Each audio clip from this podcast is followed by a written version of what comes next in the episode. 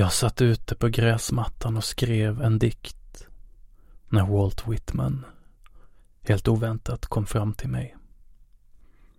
Han sa Du har inte tillräckligt med livskänsla. Du hyllar inte livet tillräckligt. Jag sa Det är förlaget som tycker att jag ska korta ner mina manus.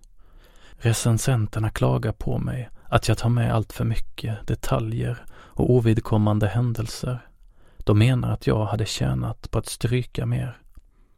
Och förresten har jag varken förlag eller recensenter. När den stora poeten hade gått stod min yngsta son vid min sida med en pappersförpackning i handen som han hade hittat på gräsmattan. Han tryckte sig tätt in till mig och ville fingra tangenterna som mina fingrar smattrade mot. Han ville ty sig till sin far, som det hette i gamla dagar. Sitta i hans knä och bara dra som ett te som drar sig på spisen.